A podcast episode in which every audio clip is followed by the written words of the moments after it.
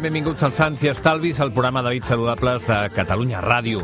Com sabeu, aquest diumenge se celebra la marató de TV3 dedicada a les malalties minoritàries. I avui als Sants volem explorar les possibilitats de la dieta per tractar algunes d'aquestes malalties. Per exemple, la dieta cetogènica.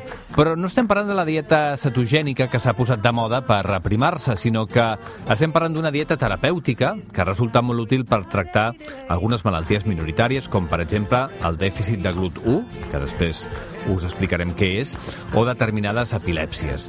Ahir vam anar a la Fundació La Pedrera una sessió del Ciència After Work on es va parlar d'aquest tema i on es van presentar els resultats d'una investigació per desenvolupar solucions pràctiques per a les famílies. Ara ho ampliem. Oh, where and feeling. També serà amb nosaltres la dietista Gina Estapé per proposar-nos alguns regals de Nadal per fer cuina saludable a casa i per també regalar-nos una nova recepta. Recordeu que tenim un Instagram xulíssim on podeu consultar totes les receptes del programa arroba Sants i Estalvis. Avui ens ajuda el control a Fran López i nosaltres comencem.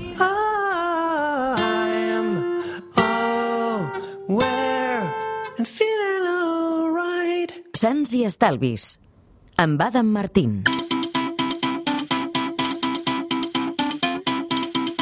L'entrevista. Us ho dèiem al principi, aquest diumenge se celebra la Marató de TV3 dedicada a les malalties minoritàries. Avui als Sants volem parlar de les possibilitats de la dieta per tractar algunes d'aquestes malalties. Ja sabeu que l'alimentació i la dieta sana, tot i que són la pedra angular de la salut, no es poden tractar, no podem parlar-ne com si fossin medicaments i no podem dir que curin cap malaltia. Ara bé, en alguns casos molt puntuals, una dieta terapèutica pot funcionar millor que alguns fàrmacs. Per exemple, la dieta cetogènica. Però no estem parlant d'aquesta dieta que s'ha posat de moda per aprimar-se, sinó que estem parlant d'una dieta terapèutica que resulta molt útil per tractar algunes malalties minoritàries, com per exemple, a, no sé, epilèpsies que no responen als fàrmacs, com l'epilèpsia refractària, o el dèficit de GLUT1, que és una altra malaltia on el transportador que aporta la glucosa a les cèl·lules del cervell, que es diu GLUT1, no funciona correctament. Com a conseqüència, les cèl·lules no reben l'energia que necessiten i apareixen problemes com encefalopaties, eh, que després acaben desenvolupant epilèpsia, retard psicomotor o altres problemes neurològics. Ahir vam anar a la Fundació La Pedrera en una sessió del Ciència After Work on es va parlar d'aquest tema amb diverses persones i on es va presentar els resultats d'una investigació per desenvolupar solucions pràctiques per a les famílies que han d'aplicar una dieta molt restrictiva que acaba sent molt, molt monòtona i molt difícil de seguir. Ahir en vam parlar allà mateix amb l'Alba Adot, que és dietista nutricionista de la Fundació Alicia i coordinadora d'aquest projecte. Primer ens va explicar en què consisteix una dieta cetogènica terapèutica. És una dieta molt rica en, en greixos i molt baixa en hidrats de carboni i la proporció específica de proteïnes perquè la persona doncs, pugui créixer en el cas de la infància. No? Eh, és una dieta que és indicada eh, com a teràpia en epilèpsia refractària, és a dir, epilèpsies on eh, no han funcionat una sèrie de fàrmacs antiepilèptics i per tant es considera un tractament més eh, amb el qual doncs, podem arribar a reduir o inclús eh, a quedar lliure de crisis epilèptiques. I l'altra teràpia que en, que amb la que s'utilitza la dieta cetogènica és en uns dèficits, en uns trastorns del metabolisme, en el concret el trastorn del del dèficit del transportador de glucosa cerebral, no? on eh, hi ha un, doncs, aquesta malaltia, no entra la glucosa dins el cervell per tenir energia, per tant necessitem utilitzar la via dels àcids grassos, dels greixos, dels cossos cetònics per utilitzar una altra font d'energia i que arribi al cervell i en aquest cas la dieta cetogènica doncs, és la principal tractament de per vida. Mm -hmm. Posa'm exemples concrets, per exemple, com seria, mmm, perquè heu parlat de ràtios i de coses que potser ara no seria el cas, però eh, un plat eh, molt alt en greixos, sense pràcticament hidrats de carboni i amb la proteïna corresponent, més o menys quin seria, per fer-nos una idea, eh? I això seria una cosa que es va repetint, més o menys.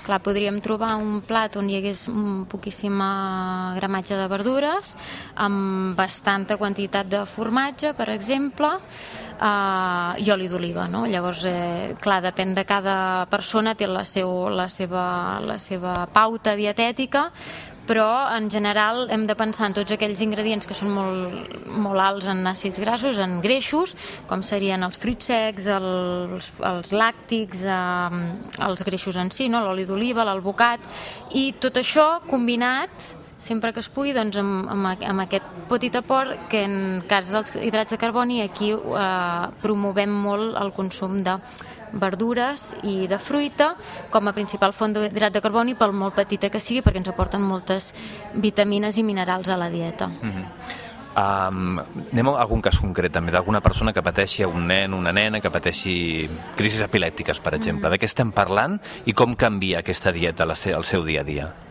Clar, estem parlant d'una una dieta que cada cas és, és diferent, no? Però uh, això com vols que t'ho expliqui perquè jo no, soc, no, no estic cada dia allà, no? Però, mm, Però per exemple, uh, sí. lo habitual uh, s'ha parlat de, sí. no sé, 100 sí. 100 crisis epilèptiques al dia, per sí. exemple, o casos de, de sí. convulsions sí. 3 o 4 de 40 minuts. Exacte. A partir del moment que s'aplica aquesta dieta, sí. tot això redueix, tot això desapareix, depèn... Depèn de cada cas.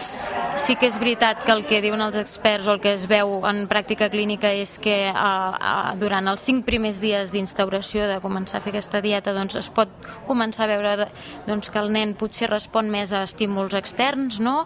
i que redueix més les crisis. Quan comences a veure que hi ha una resposta, doncs segueix i pot arribar a això, a, a passar d'estar de, a 100 crisis al dia d'epilèptiques o crisis molt llargues a reduir el temps o inclús eh, la quantitat i fins i tot hi ha alguns casos en què es queden totalment lliures de crisi. Clar, la qualitat de vida d'aquests nens, de passar de, de, doncs, no, de, de potser estar ingressats a, a anar directament a l'escola o en una escola d'educació especial, pels pares és, eh, és un tresor. No? Per tant, el canvi eh, que pot suposar la dieta cetogènica per aquests casos concrets és impactant i, i per això eh, sempre i quan eh, doncs el neuròleg ho, ho, ho pauti eh, la dieta cetogènica doncs, seria un, un, un bon tractament Clar, estem parlant d'un del, dels pocs casos, n'hi ha algun altre més, eh? però on la dieta eh, funciona pràcticament com un fàrmac, no? Sí. És a dir, hi ha molt pocs casos, de fet, sempre mm. ens han ensenyat que l'alimentació no, és no és medicació, no, no, és, no és medicina, però en aquest cas pràcticament l'alimentació pràcticament és curativa, no? O, o com a terapèutica, no? Sí, sí, és totalment una dietoteràpia. És, és, un, és quan l'alimentació realment veus que gràcies a aquesta doncs, hi ha un canvi en la qualitat de vida, el, això eh, pot ser que aquest canvi sigui al llarg de dies o pot ser que tinguem que esperar fins a 3 mesos per veure uns resultats, però sí que és veritat que aquest és un canvi bestial eh, el fet de que et funciona dieta cetogènica en aquests casos tan, tan, tan concrets. Sembla tot plegat molt fàcil, però estem escoltant després la casuística, no? La dificultat d'adherir-se a aquesta dieta, mm -hmm. perquè, clar, restringeixes tota una sèrie d'aliments mm -hmm. que formen part no només de la dieta convencional occidental, sinó que normalment, mm, per desgràcia, però és així, formen part també la dieta dels infants, no? Mm. Molt sucre, molta brioixeria, moltes coses d'aquest tipus que al final mm. als nens i les nenes els costa molt deixar tot això, no? Mm -hmm. Quins són els problemes després per seguir l'adherència amb aquesta dieta? Clar, ens trobem això de, de... És un problema a nivell també conceptual, perquè, clar, la nostra alimentació es basa en hidrats de carboni, pa, pasta, arròs, no? i llavors eh, llegums, tot, a, treure tots aquests aliments de la dieta no només costa per, per l'adherència del nen a la dieta, sinó també per com els pares porten tota aquesta planificació i acaben doncs, a confeccionar els menús. No? Per tant, eh, L'adherència és, és un factor clau que nosaltres hem volgut treballar des de Fundació Alicia i Fundació Catalunya a la Pedrera i per això hem intentat doncs, fer un projecte en el qual poguéssim obtenir a través d'una mescla de tres ingredients molt fàcils de, de tenir a casa triturats doncs, eh, que aquests nens al final la, la qualitat de vida que a través d'aquesta mescla puguin tenir un entrepà eh, amb una salsa de xocolata i menjar més o menys el mateix a l'hora de pati a l'escola que els seus eh, resta de companys que tenen una dieta eh, convencional doncs eh, fa que l'adherència creiem que en aquest projecte l'adherència mm, intentarem millorar-la, no? Mm. Ara parles una mica més del projecte abans. Mm. Uh, hem vist una mare que s'emocionava perquè, vist la proposta que fèieu, s'adonava o descobria que el seu fill o la seva filla podia menjar pizza, per exemple. Una pizza molt concreta, fet, mm. feta amb aquesta barreja, però una pizza. Ha plorat.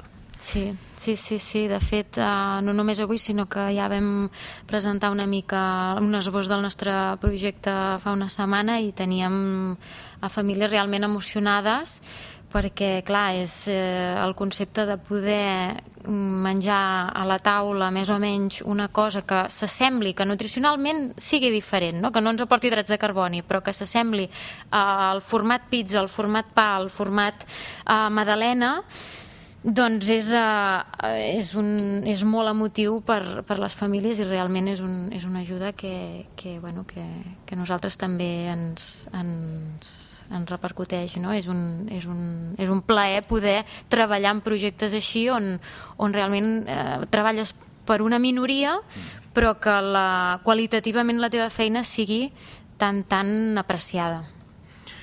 Problemes d'aquesta dieta, parlàvem de dèficit de minerals, de vitamines, quins són els problemes més habituals?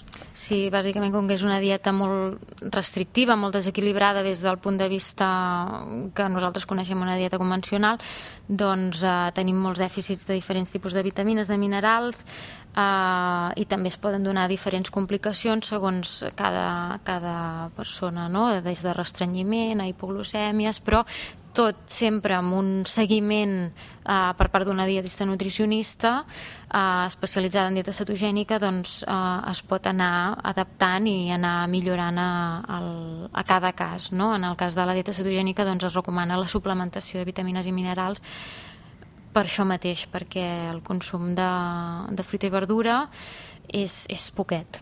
Mm -hmm. A nivell popular, quan parlem de dieta cetogènica, tots tenim al cap aquesta famosa dieta que s'ha posat de moda els últims anys, com sempre, famosos i famoses que la practiquen, que la instagramegen i que expliquen les bondats per perdre pes. Mm. Això no té res a veure.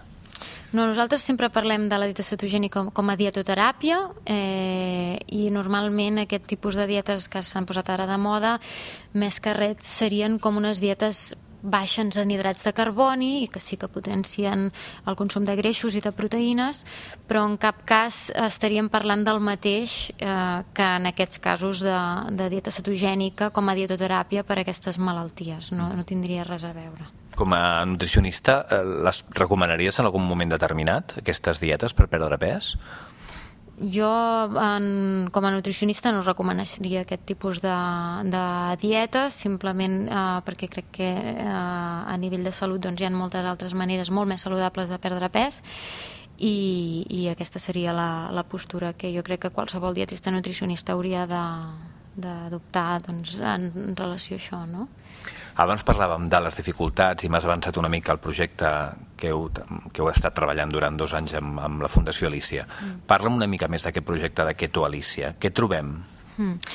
Uh, hem dissenyat uh, una mescla de tres ingredients uh, bàsicament fruits secs o coco ratllat uh, barrejat amb uh, psyllium, que és una pallofa d'una llavor que ens aporta esponjositat i, i llavors de lli, i simplement triturant aquests tres ingredients a, a casa podem te tenir una mescla base del que seria un símil d'una farina normal, no? però que a nivell de composició nutricional és molt rica en fibra i greixos, que és el que ens interessa. Llavors, a partir d'aquesta base, podem fer multitud de, de masses panàries o masses eh, més dolces, amb la qual eh, obrim el ventall d'aquestes famílies on, que no, en, on en aquesta dieta tots aquests eh, productes farinacis doncs, no entrarien, però amb aquesta mescla sí que nutricionalment eh, podríem arribar a tenir uh, unes receptes similars a, a això, al pa, a una madalena, a, un, a, un, a una pizza, etc. No? Tot això, eh, a més a més, hem, hem desenvolupat un, una sèrie de receptes que són salses i complements d'aquestes altres receptes amb mescla keto Alicia, perquè clar, tu el pa no te'l menges sol, o, o una crep no la menges sola, no? Llavors, eh, tot això es posarà a disposició de, de tothom qui ho necessiti a través d'una pàgina web que està penjada a la, a la web de la Fundació Catalunya del Pedrera i Fundació Lícia, amb la qual doncs, les persones eh, que tinguin un rati, un tipus de dieta cetogènica o altra, podran se seleccionar, doncs mira, jo vull fer un pa i d'aquest pa li vull ficar la salsa de tomàquet o la salsa de xocolata i directament la web et calcula eh, la quantitat de salsa tu li has de, que tu li has de ficar al pa perquè et compleixi la teva, el teu tipus de dieta cetogènica. Mm. Molt bé. I una última qüestió. Heu parlat d'algun tipus de malalties minoritàries. Creus que en el futur aquest tipus de dieta podria servir per, no sé, per exemple, se m'acut una diabetis tipus 1, per exemple. Què diu la ciència ara mateix sobre això? Actualment sí que s'està investigant bastant sobre diferents malalties i el tractament de la dieta cetogènica, uh, però l'únic consens uh, realment uh, per evidència, respaldat per evidència científica a dia d'avui és en epilèpsies refractàries i en dèficit del gluto, d'aquest transportador de glucosa cerebral i del piruvat deshidrogenasa. Uh, a partir d'aquí està per veure si surten més estudis i, i hi ha altres malalties doncs, que es beneficien de la dietoteràpia d'aquesta d'aquesta dieta en, en, en concret, però actualment no podem afirmar que aquesta dieta sigui, uh, serveixi com a teràpia per a altres malalties. Moltes gràcies. A tu, moltes gràcies. Era Alba Adot, dietista nutricionista de la Fundació Alicia i coordinadora del projecte Keto Alicia. Si voleu més informació sobre aquesta dieta cetogènica terapèutica, la podeu trobar amb un receptes i un munt d'informació a la web de la Fundació Alicia i també al web de la Fundació Catalunya La Pedrera. A Catalunya Ràdio estem sants i estalvis amb Adam Martín.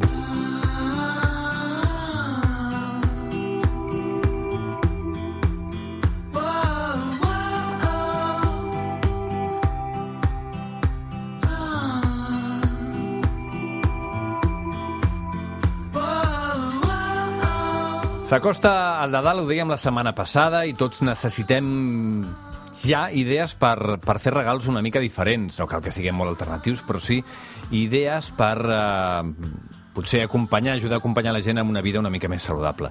I una possibilitat és, uh, no sé, regalar estils de cuina. Uh, la Gina Estapé avui ens porta idees a estils de cuina que poden ser interessants per regalar aquests dies de Nadal o Reis o el que sigui. Ho escriviu a la carta i diu, vull, m'agradaria rebre això. La Gina ja sabeu que és cuinera integrativa, que és dietista i que també és la, la responsable del blog My Healthy Bites que tens un mogollon de fans de My Healthy Bites. Uns quants, Una sí. productora a la ràdio que diu oh, oh, sí, és xulíssima. És que és veritat, està molt bé. està molt bé. Uh, bona tarda. Bona tarda. Estris de cuina. Estris de cuina. Jo si es diria, si me n'has de dir, si us hagués de dir només un, Sí? per mi vital, si, coneix, si és tant per un amic o conegut o com per vosaltres mateixos per fer-vos un autoregal, si no teniu un processador d'aliments, per mi és, seria com el estri ideal. I quan parlo de processador d'aliments, Ah, aquest de què estem parlant? no, no cal que ens anem a una Thermomix ni a aparells d'aquests que són fantàstics però valen molts, molts diners. Ni una picadora petita que sigui que tingui, per exemple, uns 800 watts, és a dir, Mhm. que ens piqui moltes vegades els de 300 eh, no ens acaben de triturar bé les preparacions, però una picadora petita que ens serveixi per preparar patès vegetals, per triturar frits secs, per crear masses, per exemple, quan volem fer, eh, m'invento els creps de fajol que tenim al, a l'Instagram de Sants, per exemple, de triturar el fajol amb l'ou, etc. Un processador petit d'aliments petit ens treu de, ens, ens treu de, molt, de molt de situacions i ens ajuda molt a la cuina. Estàs parlant d'un, per això que tinc un recipient una mica més gran, no d'un robot, eh, d'una batedora per, per, eh, per triturar, sinó de un que, que tingui un recipient que puguis posar coses grandot, diguéssim, no, i no tan cal, grandot, eh? encara que sigui petit. Petitó, Però vale. si no tenim... És a dir, jo sobretot ho estic dient per aquelles persones que em diuen moltes vegades és que vull provar de fer aquesta recepta teva, per exemple, però només tinc mini pimer. Que amb el mini pimer costa molt triturar i ens podem estar estones. Fins i tot per fer un simple humus, que els cigrons ja són tous, triturar allò ens podem Bueno, estar... necessites un mini pimer d'aquests que tingui mil o, i pico o molt watts. potent, Sí. exacte, o molt potent, o ens estem molta estona.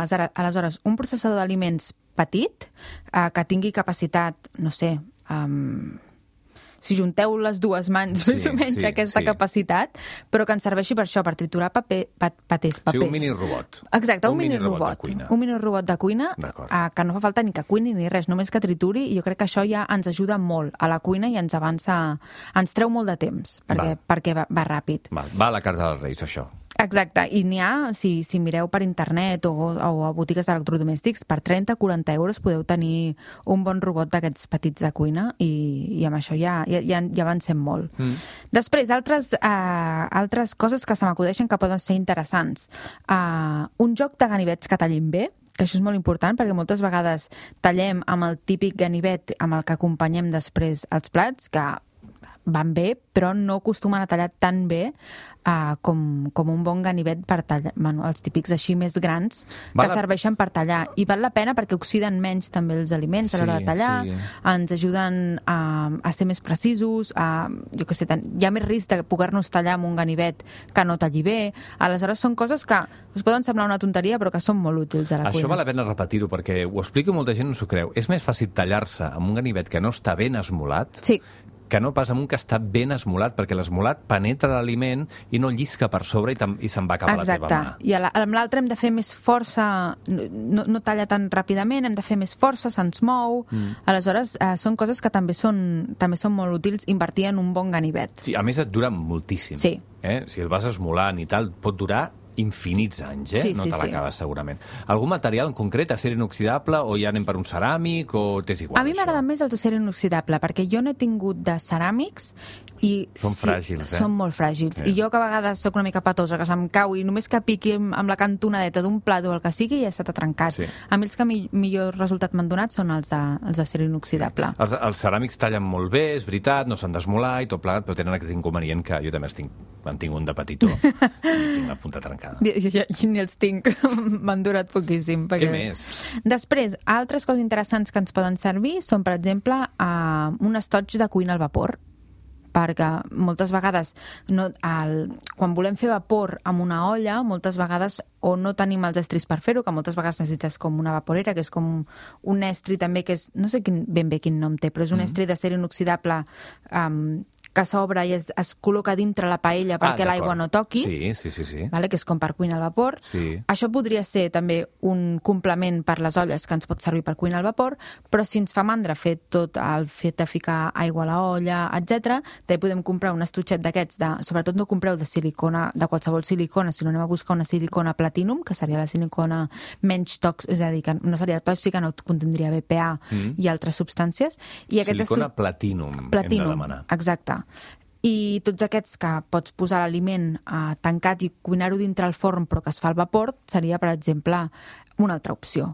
O sigui, et fa una papillot. de Exacte, fet, eh? seria una, més, més una papillot un Fa la vapor. funció d'una papillot, que normalment la fem amb alumini, que ja sabeu que amb la mesura del possible hem d'intentar evitar fer Sí. servir l'alumini a la cuina per moltes raons. Algunes tenen a veure amb la salut i altres amb el medi ambient, eh? Exacte. Perquè gastem una quantitat d'alumini que és espectacular, també. Sí. Després, si voleu, a part d'estris de cuina, donem també alguna idea així zero waste per intentar no utilitzar tant plàstic que també Perfecte. i alumini que també és interessant. Molt bé. Altres, altres estris que també ens poden interessar a la cuina, a tasses medidores, per aquells sobretot que us aficioneu més potser a la reposteria. Moltes vegades quan busquem receptes per internet veureu que en comptes de grams posa una tassa o mitja tassa i moltes vegades anem a buscar la tassa que tenim a l'armari En tens quatre, totes diferents, eh? Sí, exacte. quina I agafo? quina agafo, quina mida, no? I és perquè normalment quan posen tasses és perquè són unes tasses especials que venen a, a botigues de gadgets de cuina eh, que són tasses medidores. Aleshores venen normalment un joc de quatre, que una és una tassa, mitja tassa, eh, un terç i un quart. Aleshores, amb aquestes quatre tasses ja podries eh, jugar una mica i tens una precisió més exacta de, de les mesures. Mm. També és un estri interessant per tenir, per tenir a casa. Uh, si sou fans de les verdures, uh, i en concret del carbassó, per exemple, un esterilitzador de verdures també és un, electro, bueno, un, un, més que un electrodomèstic, un estri o un gadget interessant per tenir la cuina, perquè et permet jugar uh, una mica més amb les verdures, de no fer-les sempre igual, de saltejades o al forn. Et, ens permet donar-li aquesta forma d'espagueti, que jo dic carbassó perquè normalment ho fem amb carbassó, però es pot fer amb tubercles, es pot fer amb carbassa, es pot fer amb pastanaga si és una mica gruixuda. Amb la carbassa també es pot fer, no es desfà la carbassa? No ho he provat mai, eh? No, no, no, no, no, no. Amb la carbassa, clar, has d'agafar un tros um, que no sigui molt prim, perquè Mm. aleshores hi ha un moment que, que potser l'espagueti es trenca. Però si agafes un, un tros gros de, de carbassa, que, que s'enganxi bé, uh, es, es pot fer l'espagueti. Remolatge, també. Aleshores, és una manera de donar-li una forma diferent i que ens permet també, doncs, um, utilitzar el carbassó per, per substituir una mica la pasta, per exemple, també. Quan diem, "Bé, és que vull cuinar, uh, m'agrada molt la pasta, però no vull menjar tant uh, pasta refinada, com la puc substituir? Doncs fer aquests espaguetis de carbassó, que els podem barrejar amb qualsevol tipus de salsa, doncs és una, bueno, és una bona recepta. Suposo que la gent té el cap de què estem parlant, eh? Un espiralitzador que fa espirals de la verdura que col·loques. Hi ha diferents sistemes, alguns són molt econòmics.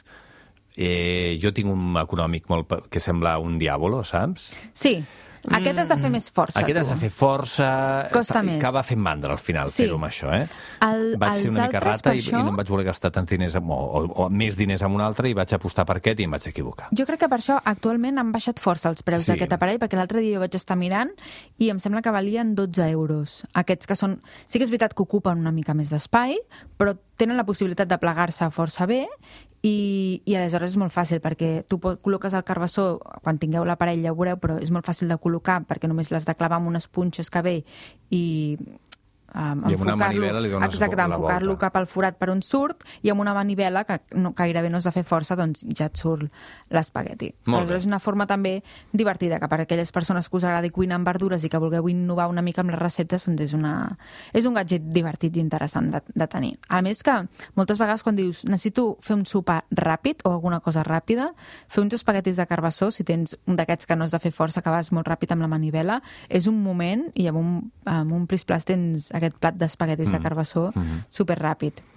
Després, un altre, un altre estri... Bueno, aquí potser sí que seria més electrodomèstic interessant per a aquelles persones que us agradi fer guisats o estofats o menjar de cullera, seria una olla de cocció lenta, que també es diu crockpot. Mhm. Aquestes olles um, són unes olles que no van al foc, és a dir, es connecten amb corrent elèctrica. El que passa, com que ho fem a molt baixa temperatura, realment el consum energètic és molt baix, vull dir, per això no, no us heu de preocupar. I els beneficis que té és que cuina a baixa temperatura, per tant no perdem potser tants nutrients que quan, quan, quan cuinem a foc viu i a foc fort, i uh, ho, tu deixes allà, col·loques tots els aliments, ho tapes, ho programes i te n'oblides. No, no has de mirar ni que es cremi ni que s'enganxi, sinó que allò es cuina La es meva mare sol. ho feia servir això fa molts anys i jo no n'he tingut mai cap. Poses tots els ingredients i ja està? I ja està. No té més secret. Sí que és veritat que jo, per exemple, he fullejat algun llibre de receptes amb, amb aquesta olla cocció lenta o crockpot i sí que n'hi ha alguns que potser prèviament et diu pues, primer salteja la ceba Clar, o que et, clar. et dona algun pas de preparació previ. Però si no, n'hi ha infinitament moltes, rece bueno, moltes receptes que és col·locar tots els ingredients i ja està. Tapes i te n'oblides. els guisats, alguns tenen un procés previ molt curt, com per exemple saltar, saltar, saltar la ceba, jo què sé, o, Sí. o fer un sofregit previ o el que sigui. Però més enllà d'això, aquí ja sí que barreges tot, tapes, temperatura baixa i te n'oblides. Però has de ser-hi, has de ser a casa. Sí. Clar, si, si ho fas amb una... però si tens una crockpot d'aquest tipus, Te apretes un botonet, ja programes està. les hores i te'n vas. Clar, clar, clar. I quan arribes a casa ja ho tens tot fet. Que això, perquè és que tenim poc temps, és, una gran, és un gran avantatge. És una gran ajuda, sí. L'únic que cal tenir en compte és que, com que és a baixa, temp és a, a baixa temperatura, tarda molt més. No és una recepta que es prepari en una hora. Aleshores, has de tenir una mica de previsió de dir, si vull aquesta recepta per l'hora de sopar i sé que tarda mm, 7 hores, m'ho invento, Mm. uh, doncs tenir la previsió de dir, doncs al matí ho haig de tenir tot per col·locar-ho i quan arribi l'hora de sopar ja ho tinc preparat. Tu manté calentó, a més Tu a més. calentó, exacte. La veritat és que són, són molt útils. Són molt útils. I una altra, una altra idea, pels que us agradin preparar coses així amb una mica més de manualitat, és comprar un joc de pots d'espècies, que ara més en venen de molt monos, així en fusta mm. o d'aquests rotatoris, compreu les espècies per separat i els ompliu. Aleshores és un regal que podeu fer a les persones que els agrada cuinar, que és un joc d'espècies però no només dels pots buits, sinó plens. Ah, pues, podeu posar etiquetes amb cúrcuma, amb comí, amb gram masala, amb, amb pebre, amb les espècies que us agradin. Molt bé, havíem dit abans, eh, la gent ha dit que també ens proposava un Nadal amb regals eh, al mestre de cuina Zero Waste, per exemple, per evitar plàstics a la cuina, eh, tot això que acabem generant i que acaba generant residus que eh, cada vegada haurien de ser la nostra prioritat màxima. Sí. Què podem fer?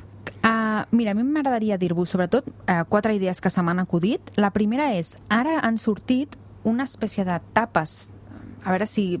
que no sé molt bé quin nom tenen, però són com una espècie de tapes de silicona platinum Que són com elàstiques, que són elàstiques. que s'adapten a qualsevol sí, cosa. Sí, Una aleshores, meravella. quan, per exemple, eh, has tallat una recepta i has utilitzat mitja carbassa només, i dius, l'altra mitja carbassa la vull guardar a la nevera, i necessito tapar-la, però per no utilitzar film, que és aquest plàstic d'un sol ús que després tirarem, aquesta silicona s'estira, s'adapta, tu pots tapar la carbassa amb, aquest plast amb aquesta silicona i guardar-ho a la nevera. Sí, sí, sí. Aleshores, després això ho rentes i ho Mira, pots ho vaig reutilitzar. estar mirant durant el cap de setmana, això és curiós, Sí, eh? a més n'hi ha de diferents tamanys. Sí. Sí. N'hi ha petits, grans i fins i tot un supergran per quan a l'estiu hi ha síndria per poder tapar la síndria. Aleshores, Sí, sí, això sí. per pots, eh, gots, bols eh, i directament l'aliment va superbé per poder guardar la nevera. Jo crec que és un, un gran regal. I hi ha molts tàpers eh, que són de vidre, però que tenen la tapa de plàstic, també, o sempre acabes perdent la tapa, o Mhm. Sí, o el que aleshores sigui. també s'adapta. També s'adapta que són eh, quadrats, malgrat que la forma normalment sol ser... Rodona. Rodona, eh, circular, eh? Sí. De Molt fet, bé. ara que deies això del tàper, carmanyoles que no siguin de, de plàstic o bosses de roba per embolicar l'entrepà també són bons regals per tenir, per tenir en compte. Mm. Ca carmanyoles poden ser de vidre, poden ser també n'hi han de ser inoxidable uh, i fins i tot n'hi han de com de plàstic més dur sense BPA. És important que si compreu alguna de plàstic siguin certificades sense, sense BPA Mhm. o sense aquest tipus de, de tòxics. Eh, aleshores també, ta- aquí hi ha varietat i fins i tot coberts podem trobar. I fins i tot també he vist canyetes de beure de ser inoxidable. Sí, també ho vaig veure l'altre Això dia. també, també interessant. que també, que ja sabeu que estaran prohibides, em sembla que a partir de l'any que ve, les, mm, parlo de memòria, però és imminent, eh, que es prohibeixin, que arribarem a la botiga i ja no podem trobar al supermercat palletes de plàstic Sí. de tota la vida, aquestes canyes de plàstic, i molta gent en prenia de fer servir de vidre, i ara que també són molt fràgils, Sí, eh, i ara surten de ser que inoxidables. de fet també n'hi ha de paper. A vegades les, les de paper a mi no m'agraden gens perquè les poses, se t'estoven, de blat de moro es, també es ha, dobleguen, sí, hi ha moltes però les de ser inoxidable jo les he provat i la veritat és que són fantàstiques, a més no té gust Clar. uh, i van molt bé. A més també sempre et venen amb un raspallet per poder-les netejar bé per dins. Una altra idea també és, per exemple, un raspall de dents de bambú, que ara també se'n comercialitzen molt, que són, normalment la, els fils són de nylon i el, el mànec és de, de bambú, De bambú. de bambú de fusta. I aleshores, bueno, que per no regalar només el raspall, potser també ho podeu acompanyar doncs, amb una pasta ecològica, Mhm. per exemple, o complementar-ho amb alguna cosa més per fer el pack dental saludable. I una altra idea eh, que se m'ha acudit, per exemple, és fer bosses de roba personalitzades per fer la compra. Aleshores, a aquella amic o persona o familiar que li voleu regalar que tingui algun estampat concret o algun dibuix animat que, que l'identifiqui o alguna paraula o alguna frase, li podeu estampar aquella bossa per, per poder fer la compra amb la bossa de tela. Molt bé. Um, eren aquestes les idees per fer un Nadal Zero Waste? Sí, eh? Quatre? segur que n'hi ha, n'hi ha moltes més, Perfecte. però aquesta setmana Sí, acudit. sí, sí, són aquestes que són superútils, sobretot aquestes tapes de, ta- taps de silicona, tapes de silicona i tot plegat, que va molt bé. I una recepta avui, què farem? Una recepta. Què serà? Com hem parlat de molts especial? Sí. Ja, parlant de l'espiralitzador, us porto una recepta per fer amb els espaguetis de carbassó.